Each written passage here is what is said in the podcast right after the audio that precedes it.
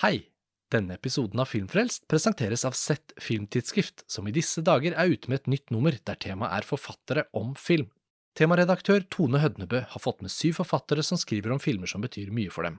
Gunhild Øyehaug skriver for eksempel om Tarkovskijs Speil, som hun har sett 19 ganger, og Roska Koritsinski skriver om Agnieszka Hollands Den hemmelige hagen. Bestill nummeret på settnett.com og les det fra perm til perm. Et lite tips, skriver dere kodeord 'filmfrelst' der hvor man fyller ut land, får dere gratis porto. God fornøyelse.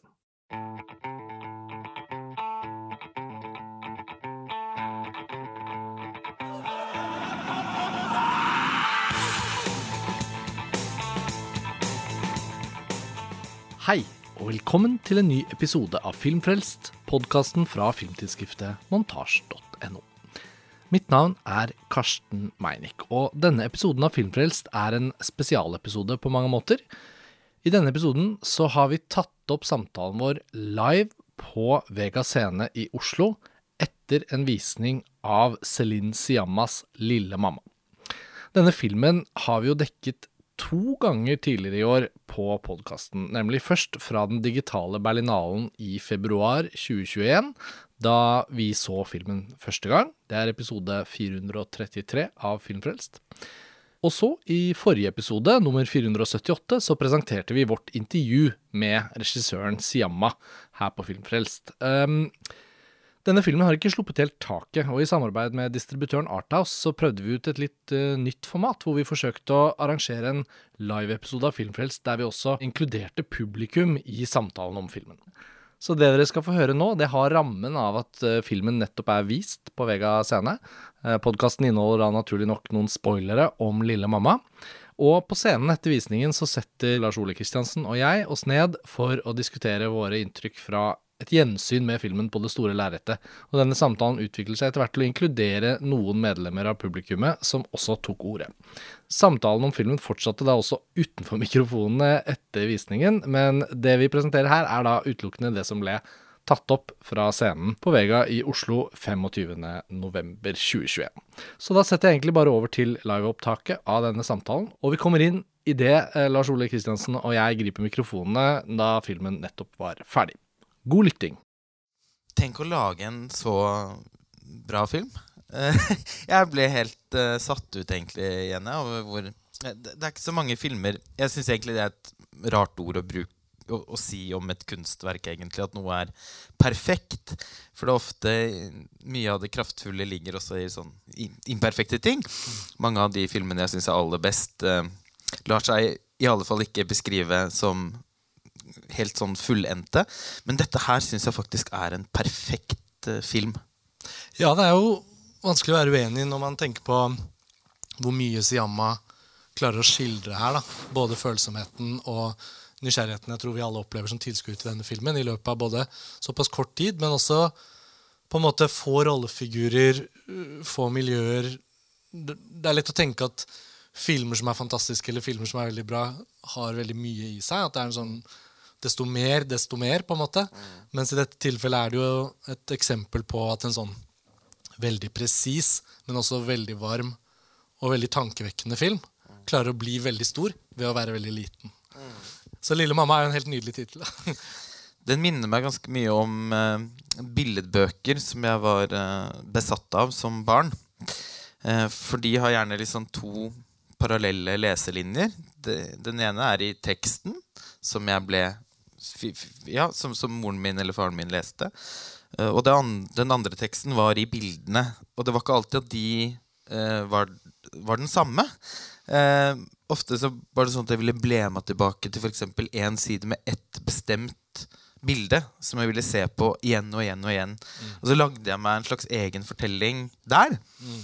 Og noe jeg syns er fascinerende med Lille mamma, er at i filmens tekst, på en måte, da, i fortellingen, Eh, i manuset så skjer det jo noe grenseoverskridende eh, og utrolig. Men i bildene eh, til filmen så er, er, alt på en måte bare som vanlig. Det eneste som kan indikere at filmen til dels da er en tidsreise, er jo nettopp at vi befinner oss i et gammelt menneskes hus som bærer preg av ja, kanskje mest 70-tallet. Eh, Og kostymene til både Marion og Nelly har jo da også en sånn 70-tallskoloritt. Og så har Siama valgt å skrelle vekk sånne kontemporære markører som mobiltelefoner og spillkonsoller og sånt. Um, og det gir filmen en sånn tidløs følelse, som jeg også tenker at bidrar til uh, å skape nettopp fornemmelsen av et eventyr. Selv om hun ikke faller for fristelsen å uh, inkludere sånne typisk magisk realistiske elementer. Ja, og jeg tror noe av effekten ved at uh, det vi får se i filmen, er så lite sånn kontrastert. da. At uh, denne liksom Hva skal vi si? Tidsreisen ikke er artikulert med masse sånne åpenbare forskjeller og, og wow-faktor, men at den har en veldig sånn åpenbar følsomhet, og at det er det vi dirigeres til å fokusere på av Siyama. da. At ved å følge Nelly gjennom skogen ikke minst første gangen vi så den begge to, uten å vite at uh, det sentrale ideen for filmen er at en datter får møte sin mor når hun er på sin egen alder. Så plutselig bare er hun der. Og det at ikke det blir sånne wow-øyeblikk på den måten, gjør jo også at vi kan konsentrere oss om blikket til Nelly, ansiktene som ligner hverandre, åpenbart. Det er jo to eh, tvillinger som, som, spiller hovedrollene her. Og, og når de også er så åpne for dette skiftet, så føler jeg vi inviteres til å tolke sånn tidsreisefortellerkunst på en litt annen måte enn vi er vant med. Um, 'Tilbake til fremtiden' er jo en film som også handler om en ung fyr som reiser tilbake i tid og møter ja, sine foreldre absolutt. på sin egen alder. Men filmene kunne kanskje ikke vært mer forskjellige når det kommer til formspråk og visuelle ideer. Nei, men altså, Her ser vi en, en datter som får møte sin mor i øyehøyde. Ikke sant? Og da er det jo også som om hele filmen eh, møter, dem, møter begge to da, i øyehøyde. Kameraet liksom er plassert på en måte som gjør at vi som tilskuere også inntar veldig liksom, barnets synsvinkel. Og jeg satt og tenkte ganske mye på det da jeg så den nå, at det minner ganske mye om eh, noen filmer av Steven Spielberg. Kanskje særlig ET og AI, Artificial Intelligence. Og eh, da passer det jo veldig bra at Celine Siamma, det er det sikkert mange som ikke er klar over, er veldig veldig stor Steven Spielberg-fan. Eh, både ET og Nærkontakt og Tredje grad er to av hennes absolutte favorittfilmer.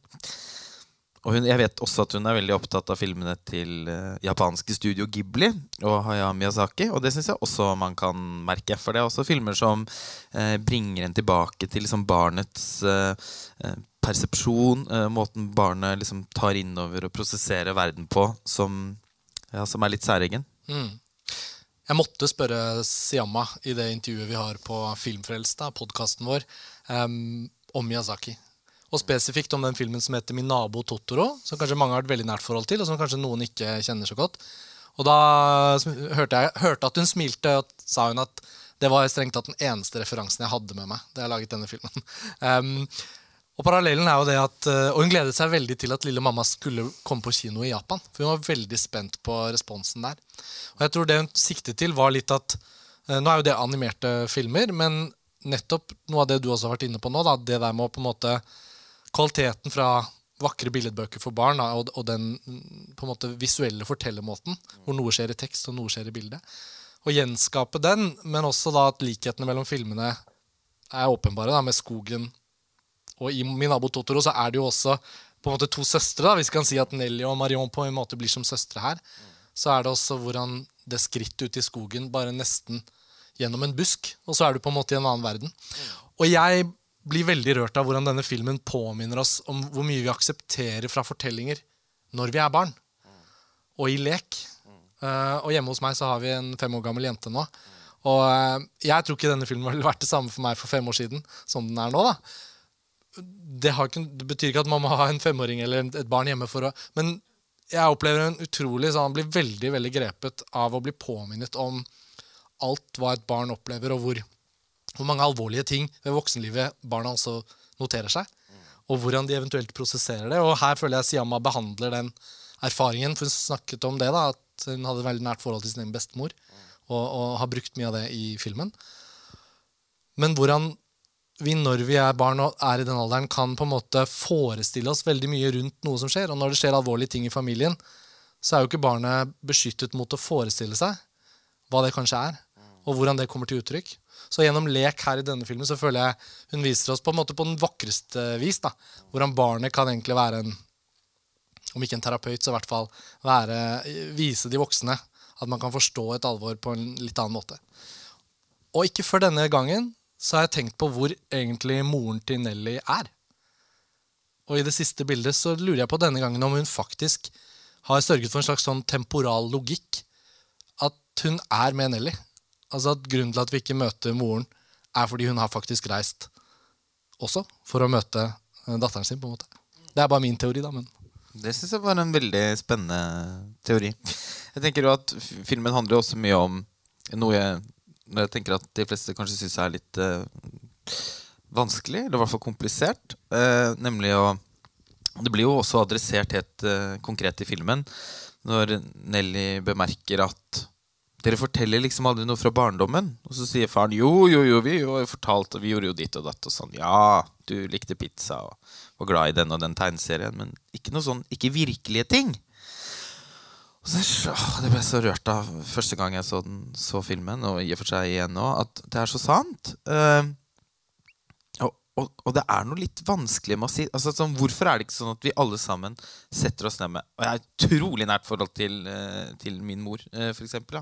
Uh, men det er likevel ikke sånn at jeg noen gang har satt meg ned med henne og hatt en grundig samtale om alle årene i hennes oppvekst. Hvordan, hva var liksom hennes grunnfølelse da hun var barn? Og jeg kan merke noen ganger i situasjoner at Ikke sant at som hun bærer på Noen ganger kan det virke som hun bærer på en eller annen slags sorg eller noe, et eller annet, et, et eller annet mørke eh, som Bare sånn glimtvis, altså. Som, som, jeg, som, jeg, da skjønner at handler om noe et eller annet jeg ikke har tilgang til. Eh, og hvis vi snakker om bestemoren min, for eksempel, som ikke lever lenger, så, så kan, det, kan, det, dukke opp liksom ting som gjør at jeg skjønner at ja, hun var sikkert litt vanskelig noen ganger òg.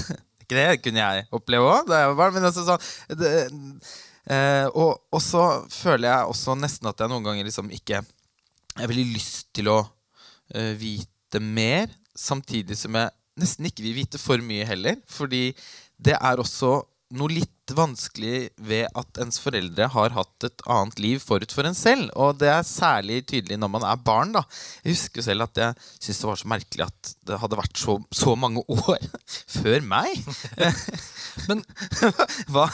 Og, og de vel, kunne vel umulig ha vært like viktige. Altså, jeg vet ikke. Eh, nå virker jeg kanskje egentlig sånn jeg, jeg, tror jeg, jeg, jeg, tror ikke jeg er mer selvopptatt på det området enn egentlig de, de fleste. Men det, er, det, det, der med tid er litt uh, vanskelig. Ja, og mm. det er lett å, Men syns, savner du f.eks. Og, og nå må vi gjerne oppleve at uh, noen i publikum melder seg på i denne samtalen. Det er bare å rekke opp en hånd. vi ser dere ikke da pga. det jo da, sinnssyke lyset? Jeg sitter i en liten skygge her. Så jeg tror jeg okay. Men jeg vil bare tenke uh, Hun adresserer jo ikke det du påpeker der med noen sånne dramatiske virkemidler. Hun kunne, hun, kunne, jo strengt tatt uh, lagd mange situasjoner i den fortellingen hvor det var en, en, større spenning eller dramatikk i den settingen. Altså Her kommer datteren og møter moren sin som barn. Hun kunne hatt med seg ganske mange um, ja, spørsmål. Det kunne vært misunnelse. Det kunne vært en Sånn som når, eh, når Marion som barn veksler blikk med, med sin mann, da, i praksis. Faren til Nelly. Så det er så mange sånne øyeblikk hvor det lett, fordi film eller fortellerkunst ofte søker seg mot det dramatiske, hvordan kan vi gjøre noe ut av den situasjonen, Siama tar hele tiden og liksom toner sånne øyeblikk litt ned. Og åpner dem egentlig da opp. Det er veldig mange øyeblikk i filmen hvor jeg føler jeg egentlig ikke blir dirigert av filmskaperen til å følge den følelsen i én retning bare. Den kan liksom egentlig gå i begge retninger. Og det syns jeg også blir veldig vakkert mot slutten her, da. Hvor de jentene skal ta farvel. Og så rekker hun jo å si au revoir til bestemoren der også, ved bilen. Jeg vet ikke om noen av dere tenkte på det, men det starter jo med den følelsen at å, jeg fikk ikke sagt ordentlig ha det. Så det er veldig mange sånne knapper som eh, Og det er bare ett sted hun bruker musikk, da, og da klinker hun jo til. Men, uh, det er jo bare helt fantastisk, da. ja, det er også sånn her, Umulig å ikke bli liksom kjenne filmens kraft uh, når, når, de syntene begynner å svelle. Og kanskje fordi hun ikke har brukt så sterke virkemidler frem til da, bortsett fra å skape noen sånne bilder som som nok er veldig gjennomtenkte og komponerte, men som flyter ganske sånn naturlig fremover uten at man føler man blir liksom overrasket av et eller annet sånt overkomponert bilde heller. Med veldig bra bruk altså, av lyd. Eh, hvor fint er det ikke å sitte og høre på lyden fra kjøkkenet når de to sitter der og drikker kakao. Kjøleskapet som durer litt sånn av Det er ikke så ofte man får høre på, på film. Liker også veldig godt at filmen tar liksom barnets arbeid på alvor. Da høres det ut som en Steiner-skolelærer. Eh, leken er barnets eh, arbeid. Jo, men altså, det der med at det liksom går inn på det badet med de der åh, sånne blå fliser, det var fortsatt ikke uvanlig å oppleve i hjem da jeg var barn. Kanskje enda mer da du var barn, i og med at du er noen år eldre enn meg. Ja, men altså, hvor de tar sånn de har lært at når vi har vært ute og det begynner å regne, så må vi henge fra oss på badet, for der er det varmt, og da blir klærne eh, fortere tørre. Så går vi ut på kjøkkenet. Hun har lært eh, en måte å eh, skape og servere kakao på.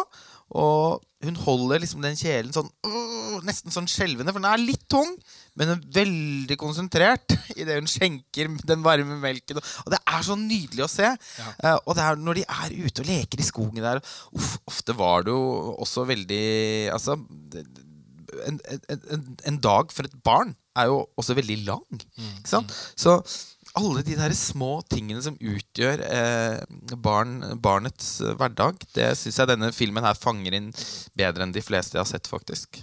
Og jeg syns også hun gjør det veldig vakkert i det øyeblikket. Fordi hun gjør jo tidsreisen i filmen med barnets litt sånn naturlige Bare sånn Ja, OK, da har vi reist i tid. Greit. Og det er også veldig vakkert når hun sier sånn Jeg vil bare legge meg før jeg vil at vi skal komme rett til i morgen. Og så bare Akkurat måten hun klipper der til dagen etter, føler jeg liksom Saske i filmen har tatt over filmskapingen. Og hun gjenskaper det med det klippet sånn Det er veldig kult.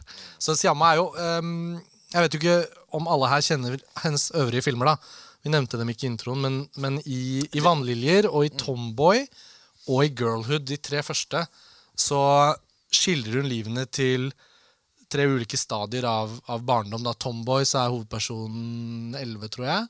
Uh, her er de jo 8. Uh, I 'Vannliljer' var 13? 14, kanskje? Ja, Ja, litt eldre, tror jeg 12, faktisk. 13, 14, ja, ok. jeg tror det er litt Og. Girlhood 15-16 ish. da. Så hun beveger seg liksom inn og ut av ulike deler av ungdommen. Og, og hvis man bare tar Siamas filmografi for seg som et sånt en sånn øvr om barndom og, og om oppvekst og om ulike stadier, om identitetsspørsmål, om gryende seksualitet, om undringen på foreldrenes liv og barndom, som jo også er tema her, så har hun jo laget en helt sånn sjelden eh, Hun har et kunstnerskap som ikke lar seg sammenligne med så mange andre da, fra 2000-tallet om akkurat dette. Så syns jo også Lille mamma skriver seg veldig sånn vakkert inn i det. Og så er 'Portrett av en kvinne i flammer' en film som står litt på siden fordi den er om voksenkjærlighet. da. Mm. Ja, jeg synes det er jo så rart å tenke på at det er jo liksom hennes da soleklart mest berømte film. Når den er såpass annerledes enn en de andre. Um, Jeg spurte henne om det i intervjuet. da, om det nå med lille mamma er du bare rett tilbake til barnas verden. Da. Det, var, var Ja. portrettet en kvinne, av en kvinne i flammer med et blaff. Så var hun veldig opptatt av at hun med den suksessen da, så har hun blitt veldig fristilt som filmskaper. Hun sa jeg tror bare jeg skal utnytte dette til å eksperimentere og gjøre alt det du spør om. Men jeg kan ikke si hvilken som kommer først. Jeg skal bare prøve å holde meg fri og eksperimentere mye. Så jeg var sånn, oh wow. Nå kan det hende hun har Åpenbart kan hun gjøre ting vi ikke har sett allerede, da, men jeg må innrømme at jeg tror kanskje hun er en av de virke, et, mine favoritt av nye filmskapere da, de siste 20 årene. på en måte. ja, det, det er jeg enig i. Eh, blant de andre filmene hans så ville jeg jo da Hvis, hvis dere Eller hennes. eh, Hvis dere da falt for den, for den her, så vil jeg jo varmt anbefale Tomboy, da. Som vel er den som uh, lille mamma har, tross alt har mest uh, til felles med. Og som jeg fram til uh, lille mamma tenkte at var hennes aller beste film. Uh, men eh, nå er nok dette her min favoritt, faktisk. Nå liker jo vi filmen veldig godt, da, åpenbart. Og så så jeg en hånd eh, litt på en bakerste, om ikke bakerste rad, så i hvert fall bakerst plasserte publikummer. Um, og det er jo ikke noe i veien for at det fins ulike blikk på denne filmen. Nå får vi se om dere er like enige som oss. da. Jeg er nysgjerrig på å høre hva vi Ja, jeg syns det er litt skummelt å ta ordet her, men eh, jeg fikk litt lyst til å si noe. Vi sitter her, det er to barnepsykologer baki her. Og så ble jeg jo veldig fylt av Altså, jeg syns jo dette var et utrolig interessant grep, og veldig deler deres betraktninger om denne veldig lavmælte måten å formidle eh, på, som eh, gjør at en dras liksom inn i det indre landskapet samtidig, føler jeg. Det blir ikke så veldig ytre styrt. Um, og veldig spennende også disse to som ligner sånn på hverandre og er så identiske, på en måte. Altså, du sier de er tvillinger, men så har de noe forskjellig ved seg òg. Um, uh, så jeg tenker på hvordan det lille barnet da identifiserer seg, eller jenta som identifiserer seg veldig med mammaen sin allerede veldig, veldig tidlig. Uh, og hvordan barn um, Altså noen barnepsykologer snakker om. En sånn type kunnskapsdrift som man er født med. Um, Melanie Klein er en som snakker om det, som sier at helt fra fødselen av så er vi ikke bare opptatt av å Eller det er ikke bare de driftene vi er vant til å snakke om, men det er også en drift mot å søke kunnskap om hvordan mammaen og pappaen ser ut inni seg. Og at det starter allerede fra fødselen av, nærmest. Altså når man er født, så begynner man å søke mot den voksne. av og identifisere seg eh, samtidig. Så jeg tenkte mye på det, hvordan det foregår i denne filmen. At hun eh, prøver å forstå seg på mammaen sin. Um, altså, Jeg tenkte på dette at hun hørte om denne hytta eh, fra mammaen og ville at mammaen skulle vise den. Uh, og så utforsker hun på egen hånd. Og så er det akkurat som hun fyller inn de, Hun har fått litt små informasjonsbiter om både bestemoren og mammaen. Og så skaper hun en lek ut av det, sitt eget indre univers. Og så ser hun at mammaen er trist. Hun opplever det. Og så har de også noen lekeøyeblikk, sånn som i bilen når hun stapper sånne ostepop i munnen på mammaen, og mammaen egentlig er trist, men begynner å smile og le. De er akkurat som de har den derre hvor mammaen har den lille i seg også. Jeg tenker at den lille i den store er jo der eh, hele veien for oss alle.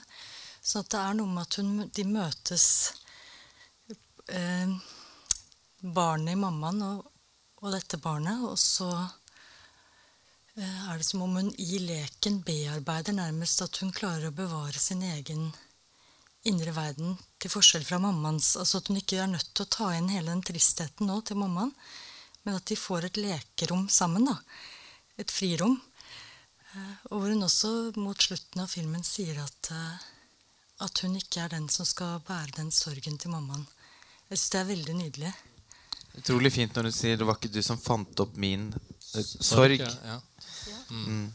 Tusen, tusen, takk for uh, innspillet. Det er jo, det er jo drømmescenario at man kan ha nettopp den dialogen. Spennende, absolutt spennende perspektiv. Og jeg, når du beskriver dette med indre og ytre, så kjente jeg også at når, mens du snakket, at man, man, får opp noen av bildene fra filmen igjen. Og, og, og det er nok også virkelig viktig at Siyama inntar et såpass rolig fortellermodus for at vi skal kunne liksom dykke inn i bildene litt. Da. Eh, det er så mye film som beveger seg så fort, og det er så mye fortellinger som ikke har tid til å la oss Nå tenker jeg på indre og ytre igjen. da, At vi også må på en måte komme på innsiden av filmen for nettopp å få, få det bildet. Så ja, takk for det. Og jeg så vi fikk en hånd til her nå samtidig, så vi trenger kanskje ikke si så mye. Kan la de ja, øh, takk for filmen og veldig fin prat vi, dere har, og dine innspill. Og jeg må bare si at jeg syns det er en helt skjønn film. Jeg ble veldig rørt og grepet. Og, og, så er den så enkel i uttrykk og på overflaten og virkemidler. Og, og så utrolig mange lag. Jeg kommer til å gå og gruble på det veldig lenge. Og det er et eller annet som grep meg så i, de, i det møtet, da, akkurat som vi snakker om. og og særlig den scenen hvor hun rett og slett fratar datterens skyld og tar bort Det er ikke din skyld at jeg er deprimert eller har sorg, men det var så mye vakre øyeblikk og udramatisk, men essensen av ting. Og på en eller annen måte Jeg skal ikke bringe inn norske menn i denne flotte filmen, men uh, så streifer jeg hodet fordi jeg driver og leser nå 'Ulvene fra evighetens skog' av Knausgård. Men på et eller annet så er det noe med verkene og, og, romanene til Knausgård som tar oss inn i barndom eller ungdom og inn i den stemningen og evighetens bok, der han er nå, hvis noen holder på med siste romanen. Så er det noe i møtet, og det, der er det jo alt det som foregår i skogen. Det er det, randsonen av vår bevissthet. Kanskje er det på ordentlig at de møtes der. Og det er veldig mye spennende tanker som flagra gjennom meg Eh, i møte med både romanene i dag tidlig og nå.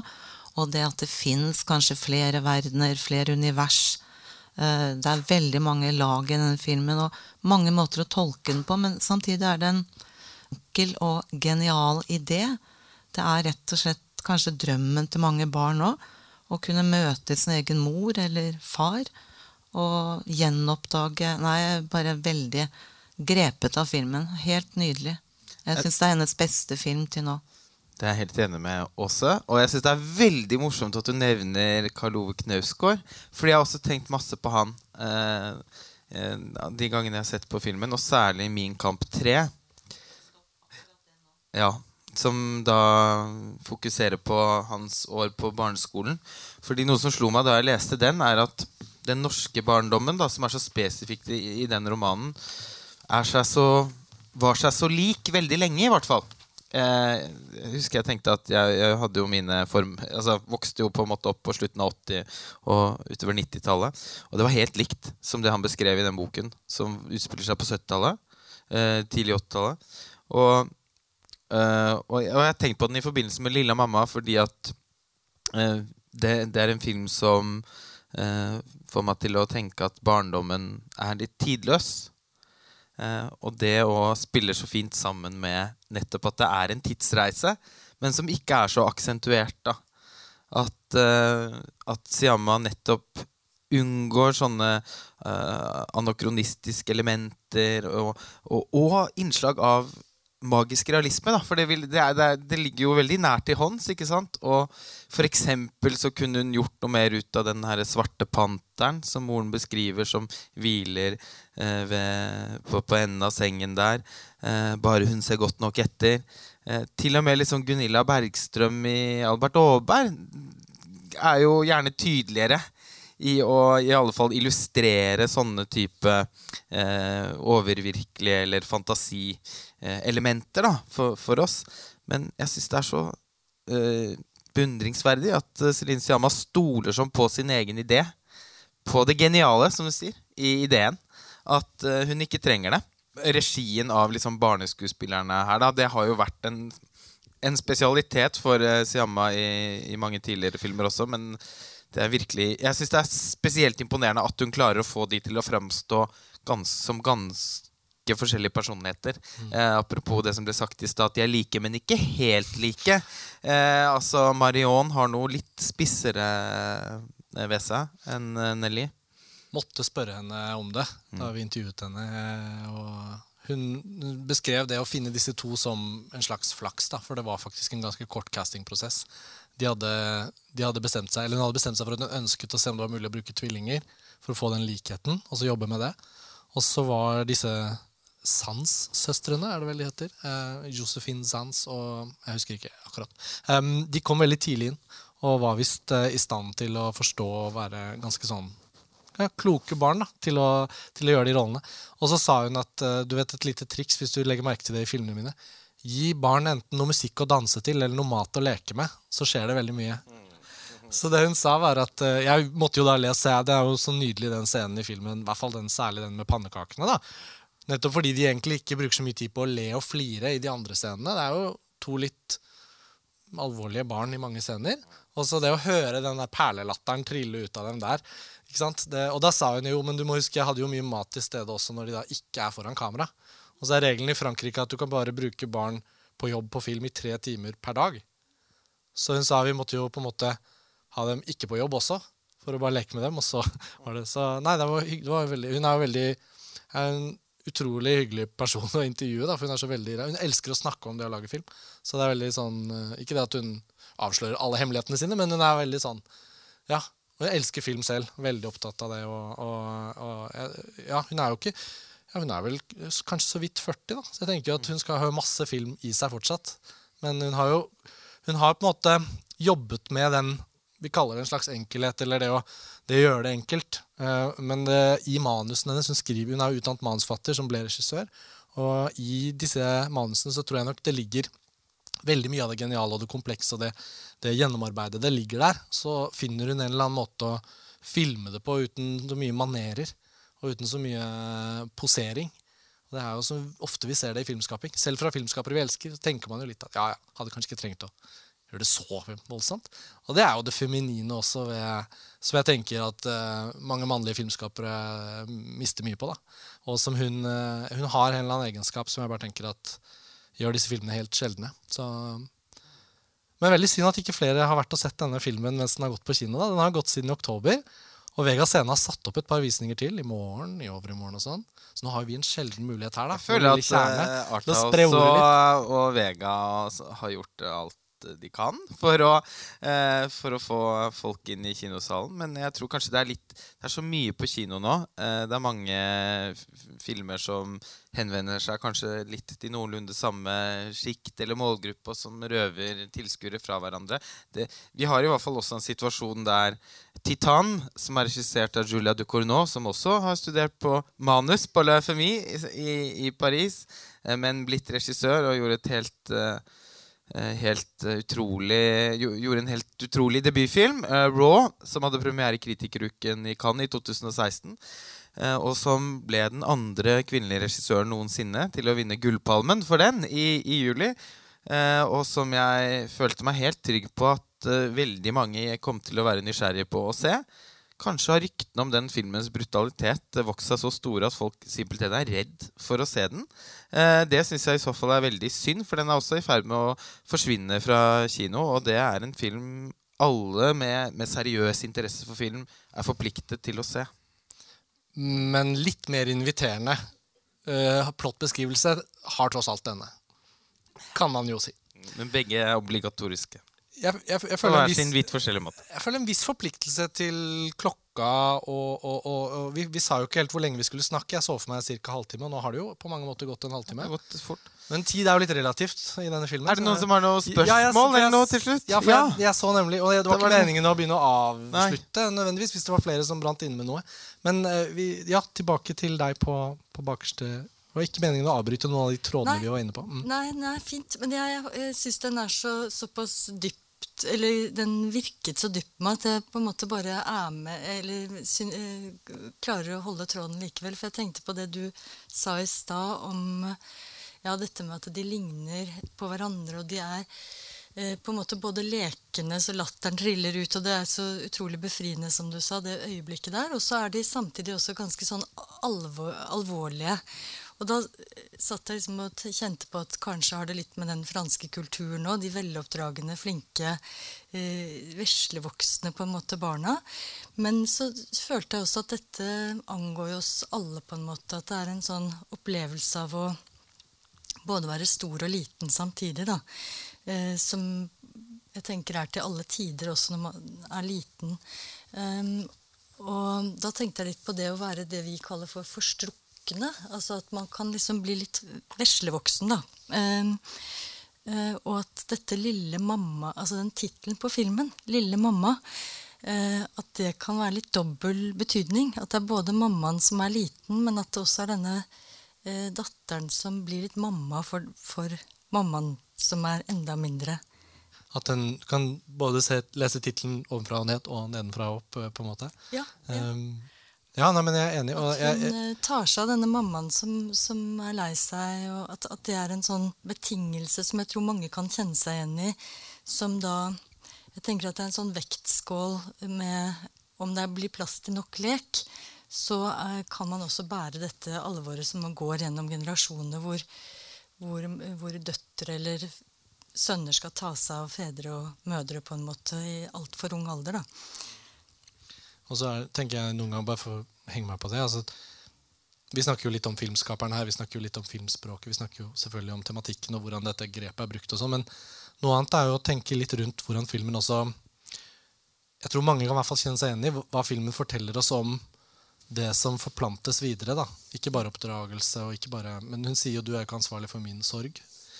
Men, men, både bestemoren får vi si da, og Marion ja. har jo denne kroppslige tingen denne operasjonen. Nettopp. Og Nelly er jo ikke en åtteåring som skal til operasjon. Jeg tenker litt på at ja. det brytes noe der. altså Det er noe som ikke føres videre. Akkurat. Ja. Um, og det syns jeg filmen helt sånn bare tann, det er sånn, så vidt liksom innom det. Men det er jo med på et, å lage disse lagene sånn, i hvordan vi leser filmen. da. Så. Jeg tror egentlig en, den riktige oversettelsen hadde vært tristhet. Jeg minnes en ganske sterkt fra uh, Hun sier 'tristesse', og så står det 'sorg'. Ja, for det, er ikke helt, det det blir er ikke helt uh, presist. Uh, fordi tristhet er noe litt annet. Og det er den hun ikke er Ja. ansvarlig for. Ja. Er, en, er det ikke et fransk ord 'ennui' også? Som er en Ja, sånn. for Bruker man sorg, så vil det være helt sånn direkte knyttet an til at bestemoren er død. og sånn. Det er jo ikke det dette er. Neste gang får vi se den uten tekst. Tristesse. Ja. Vi har jo en drøm om å lære oss fransk en dag, Karsten. Det har vi snakket om i mange år. Jeg er så glad i fransk film at jeg har lyst til å liksom dedikere litt tid til å lære fransk. for å slippe å se med tekst. Men vi må nok oppsummere. Men det er jo mulig å holde denne samtalen gående, i hvert fall ned trappen.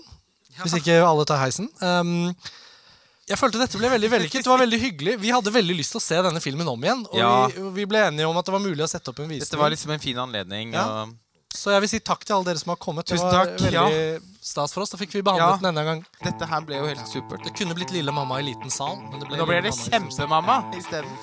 Så takk for oss.